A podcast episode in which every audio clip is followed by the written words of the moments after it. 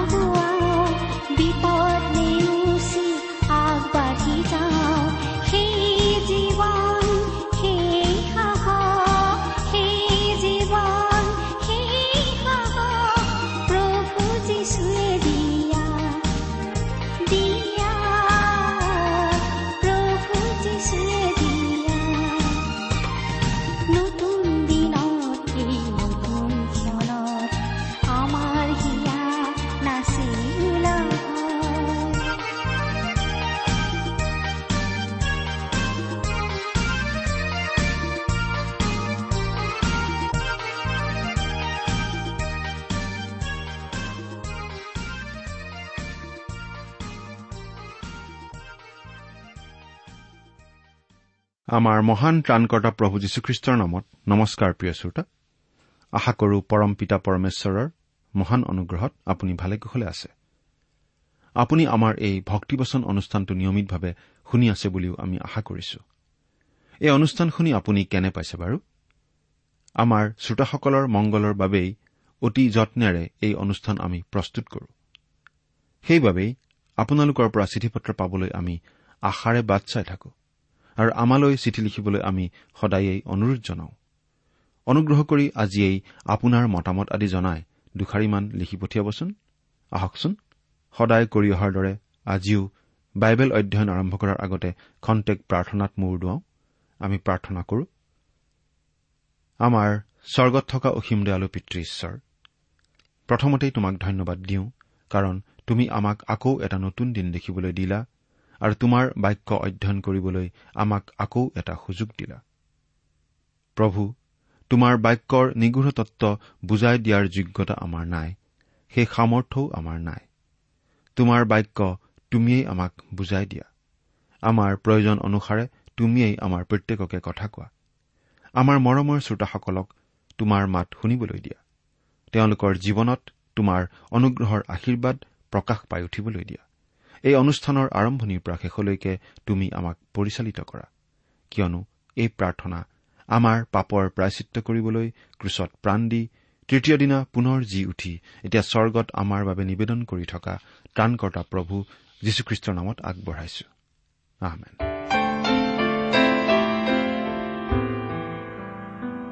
প্ৰিয় শ্ৰোতা আপুনি বাৰু আমাৰ এই ভক্তিপোচন অনুষ্ঠানটো নিয়মিতভাৱে শুনি আছেনে? আমি বাৰু এতিয়া বাইবেলৰ কোনখন পুস্তকৰ অধ্যয়ন চলাই আছো আপোনাৰ মনত আছেনে? আমি আজি বহুদিনৰ পৰা বাইবেলৰ পুৰণি নিয়ম খণ্ডৰ গীতমালা নামৰ পুস্তকখন অধ্যয়ন কৰি আছো। আৰু আমি আচলতে প্ৰায় শেষ কৰিবলৈ হলহি। আজিৰ অনুষ্ঠানত আমি এই গীতমালা পুস্তকৰ এশ পঁয়ত্ৰিশ আৰু এশ ছয়ত্ৰিশ নম্বৰ গীত দুটি একেলগে আলোচনা কৰিম। আৰু ইয়াৰ যোগেদি ঈশ্বৰ কিমান মহান কিমান ভাল কেনেকৈ ঈশ্বৰে মানুহক দয়া কৰি আহিছে এইবিলাক কথা আকৌ মনত পেলাম। আশা কৰো আজিৰ এই আলোচনাৰ যোগেদি আপুনি আন নহলেও সত্য ঈশ্বৰক আকৌ এবাৰ ভাবি চাব তেওঁক আৰু অধিক ভালদৰে জানিব পাৰিব আৰু তেওঁৰ ওপৰত নিৰ্ভৰ কৰিবলৈ শিকিব পাৰিব। অৱশ্যে আপুনি যে ঈশ্বৰত বিশ্বাস কৰে ঈশ্বৰক যে শ্ৰদ্ধা ভক্তি কৰে সেই কথা আমি জানো। সেইকাৰণে আপুনি এই অনুষ্ঠান শুনি আছে। তথাপিতো আপুনি ঈশ্বৰ বুলি বিশ্বাস কৰাজন প্ৰকৃততে সঁচা ঈশ্বৰ হয় নে নহয়? সেই কথাও আপুনি আজিৰ আলোচনাৰ যোগেদিয়েই ৰিজাই চাব পাৰিব বুলি আশা কৰিছো। আমি অৱশ্যে সত্য আৰু সৃষ্টিকৰ্তা ঈশ্বৰক দেখা নাই সঁচা। কিন্তু ঈশ্বৰ আমাৰ পৰা লুকাই থকাও নাই। তেওঁ তেওঁৰ জীৱন্ত বাক্যৰ যোগেৰে নিজৰ পৰিচয় দাঙি ধৰিছে। তেওঁৰ লিখিত বাক্য বাইবেল শাস্ত্ৰৰ যোগেদি তেওঁ নিজৰ পৰিচয় আগবঢ়াইছে। এই আলোচনা শুনোতে ঈশ্বৰে আপোনাৰ হৃদয়ত নিশ্চয় কথা কব। আৰু যদিহে ঈশ্বৰে আমাক কথা কয় আমি আমাৰ মন কেতিয়াও কঠিন কৰিব নালাগে। আমাৰ হৃদয়ত ঈশ্বৰৰ পৰিচয় প্ৰকাশ হবলৈ আমি আমাৰ মন মুকলি কৰি দিব লাগে। আহক আমি আমাৰ আলোচনালৈ আগবাঢ়ো হওক। গীতমালা এশ পঁয়ত্ৰিশ নম্বৰ গীতটো প্ৰথমতেই হাতত লৈছো।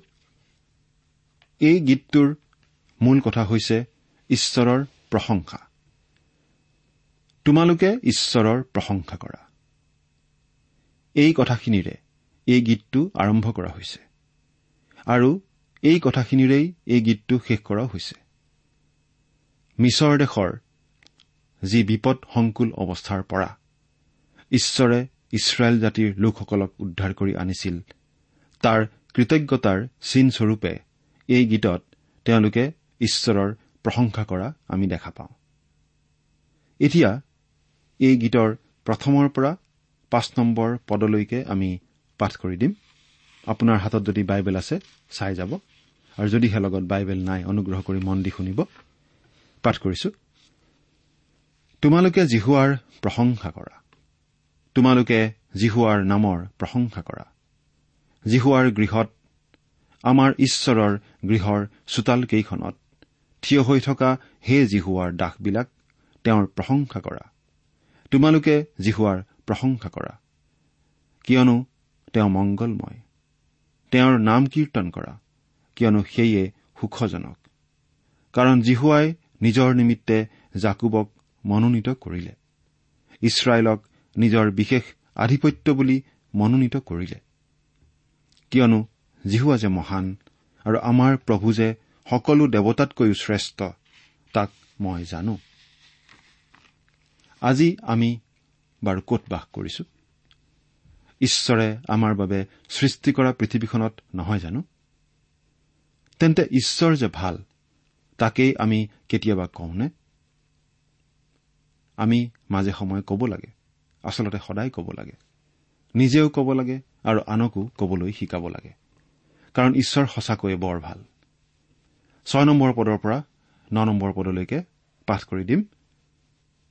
আকাশমণ্ডল আৰু পৃথিৱীত সমুদ্ৰ আৰু অগাধ জলসমূহৰ মাজত জিহুৱাৰ যি ইচ্ছা তাকেই কৰিলে। তেওঁ পৃথিৱীৰ সীমাৰ পৰা ভাৱ তোলে। তেওঁ সৃষ্টিখনৰ নিমিত্তে বিজুলী সৃষ্টি কৰে। তেওঁ নিজ ভঁৰালৰ পৰা বায়ু উলিয়াই আনে।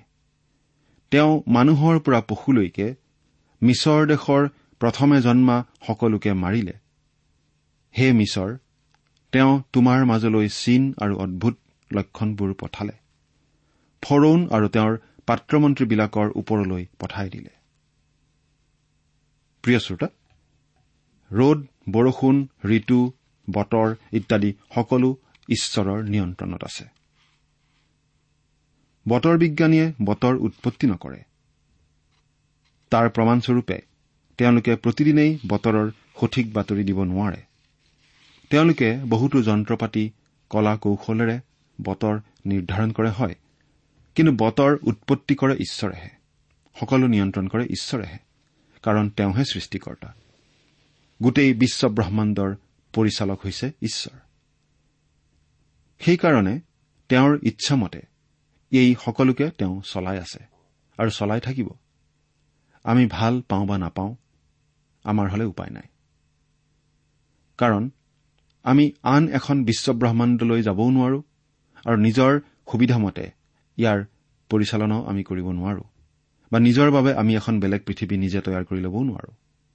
সেইকাৰণে আমি সৃষ্টিকৰ্তা ঈশ্বৰৰ হাতত সোধাই দিয়াটোৱেই হ'ল একমাত্ৰ উত্তম উপায়।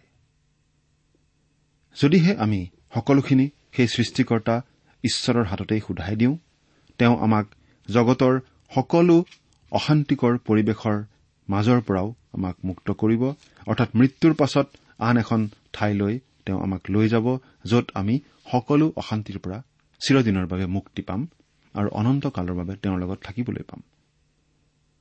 আৰু সেইবাবেই আচলতে তেওঁ নিজৰ একেজাত পুত্ৰ যীশুখ্ৰীষ্টক এই পৃথিৱীলৈ পঠাইছিল। যাতে তেওঁত বিশ্বাস কৰাৰ দ্বাৰাই আমি সেই অনন্ত জীৱন লাভ কৰিব পাৰো। এতিয়া আমি এঘাৰ নম্বৰ পদৰ পৰা চৈধ্য নম্বৰ পদলৈকে পাঠ কৰিছো। তেওঁ ইমূৰীয়াবিলাকৰ ৰজা চিহুনক আৰু বাছানৰ ৰজা উগক মাৰিলে আৰু কণানৰ সমুদাৰ ৰাজ্য নষ্ট কৰিলে। তেওঁ সিহঁতৰ দেশ আধিপত্যস্বৰূপে দিলে। নিজ প্ৰজা ইছৰাইলক আধিপত্যস্বৰূপে দিলে।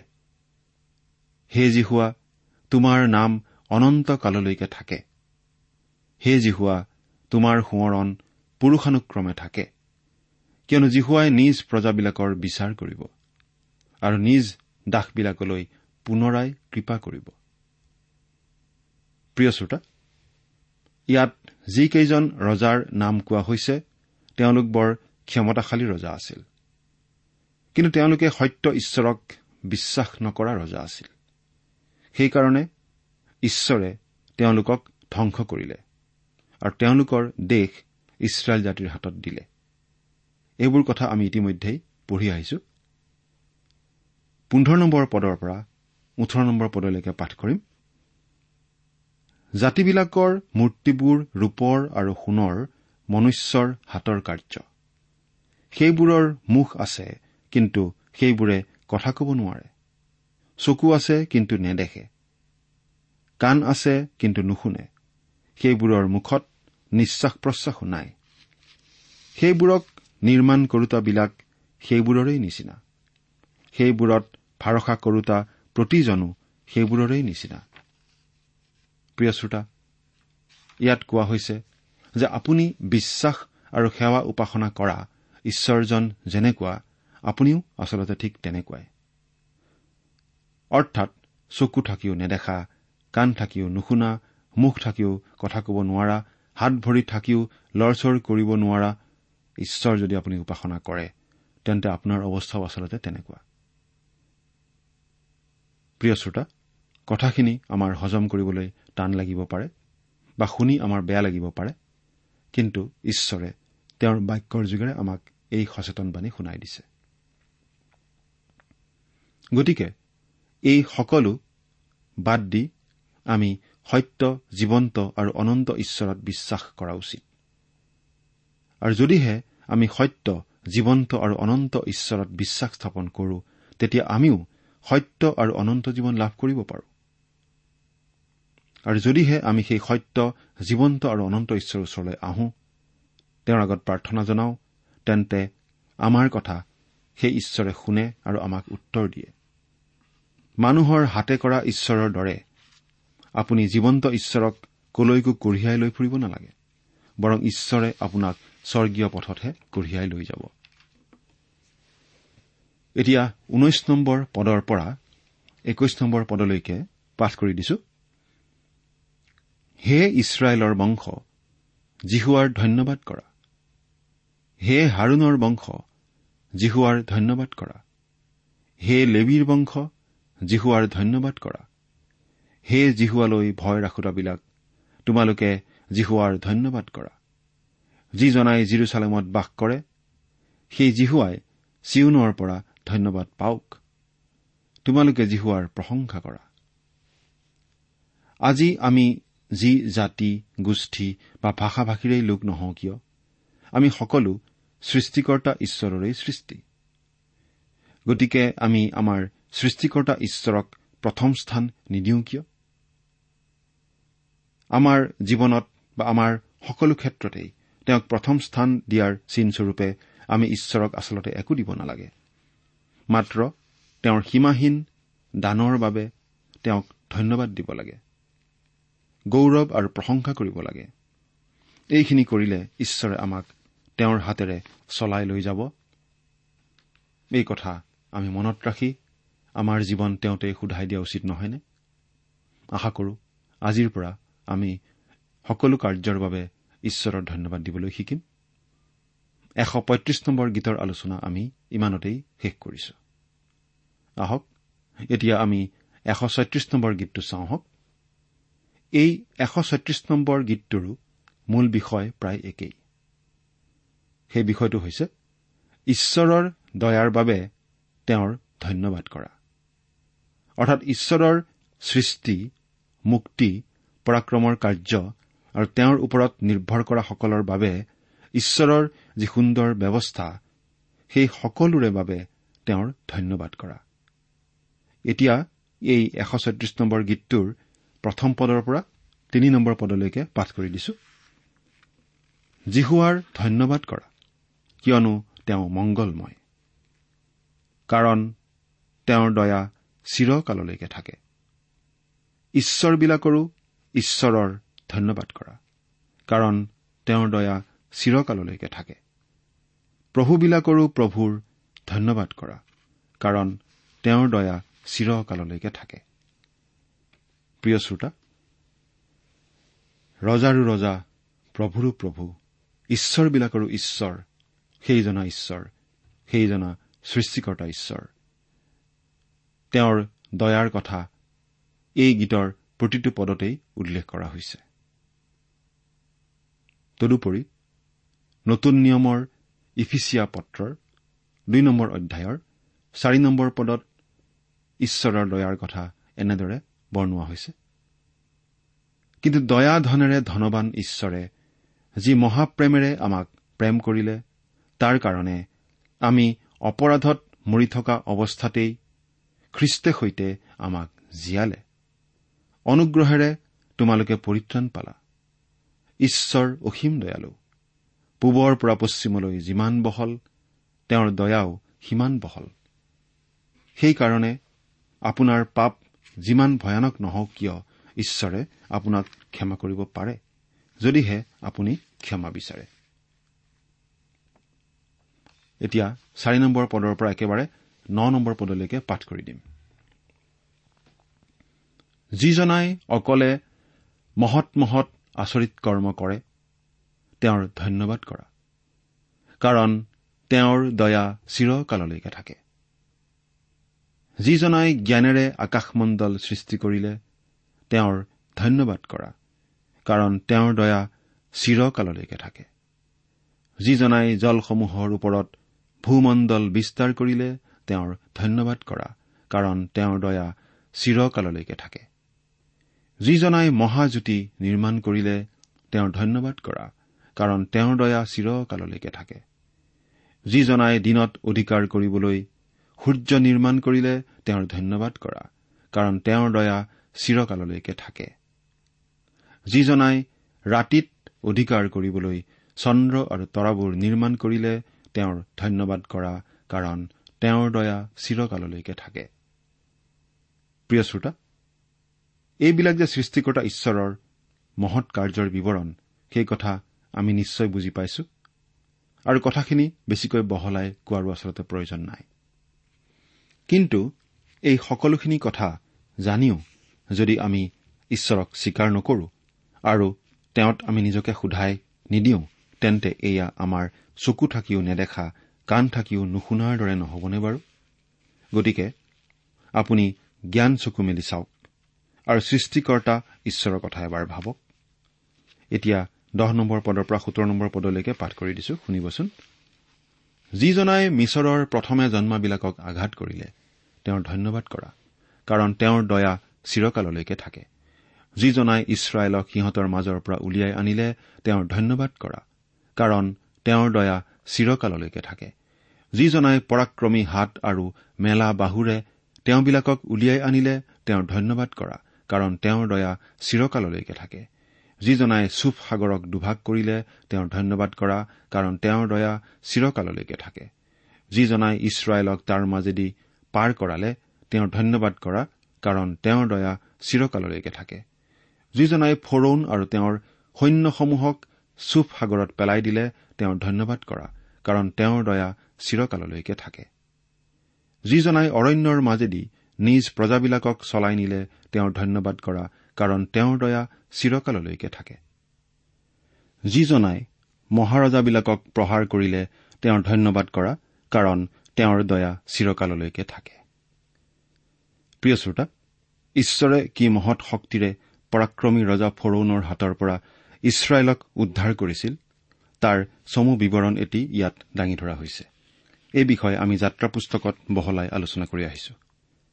পুনৰ আমি আলোচনা নকৰো কিন্তু আমি মনত ৰাখিব লাগে যে ঈশ্বৰে আজিও আমাক যিকোনো সংকটৰ পৰা উদ্ধাৰ কৰিব পাৰে যদিহে তেওঁৰ ওপৰত আমি নিৰ্ভৰ কৰো।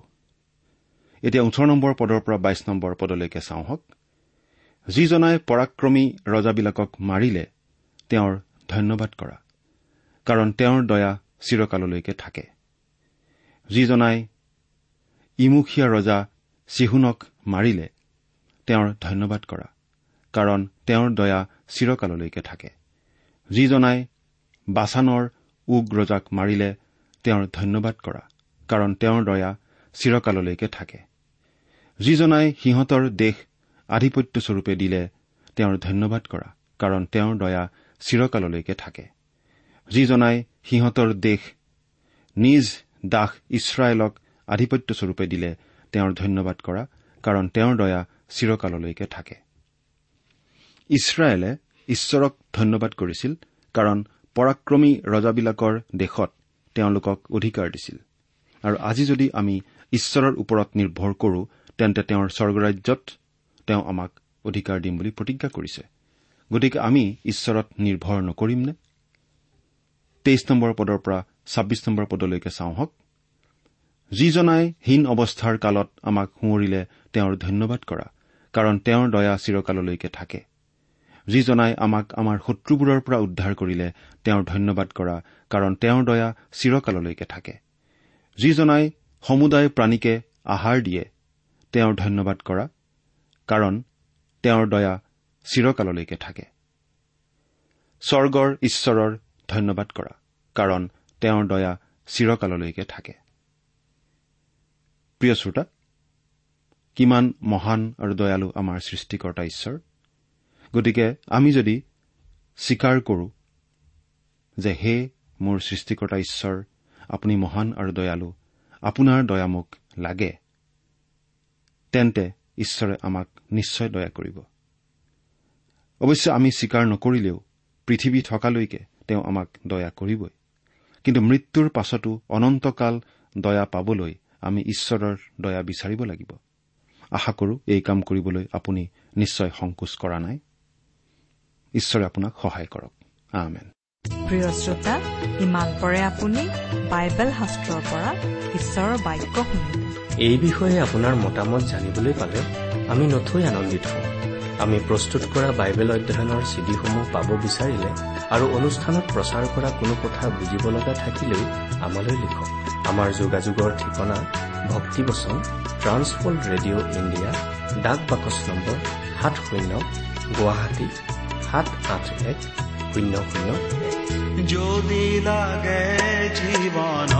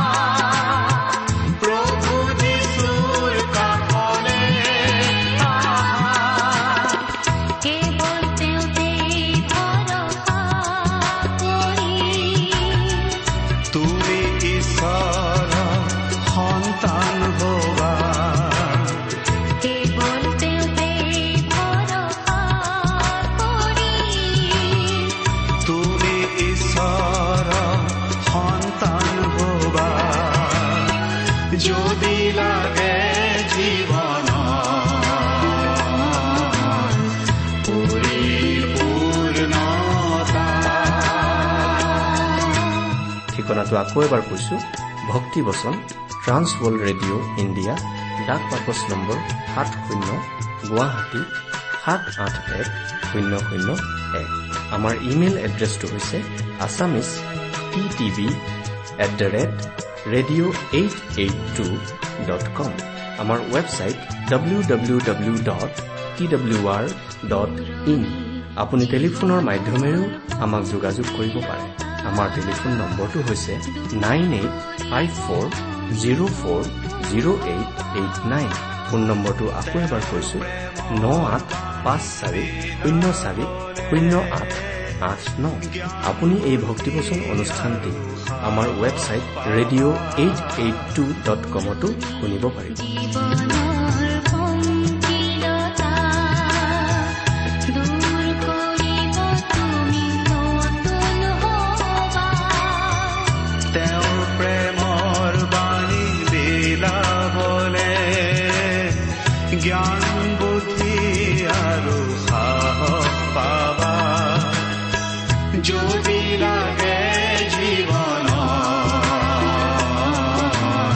আজিৰ অনুষ্ঠানটি ইমানতেই সামৰিছো। ঈশ্বৰৰ শান্তি আৰু অনুগ্ৰহ আপোনাৰ লগত থাকক।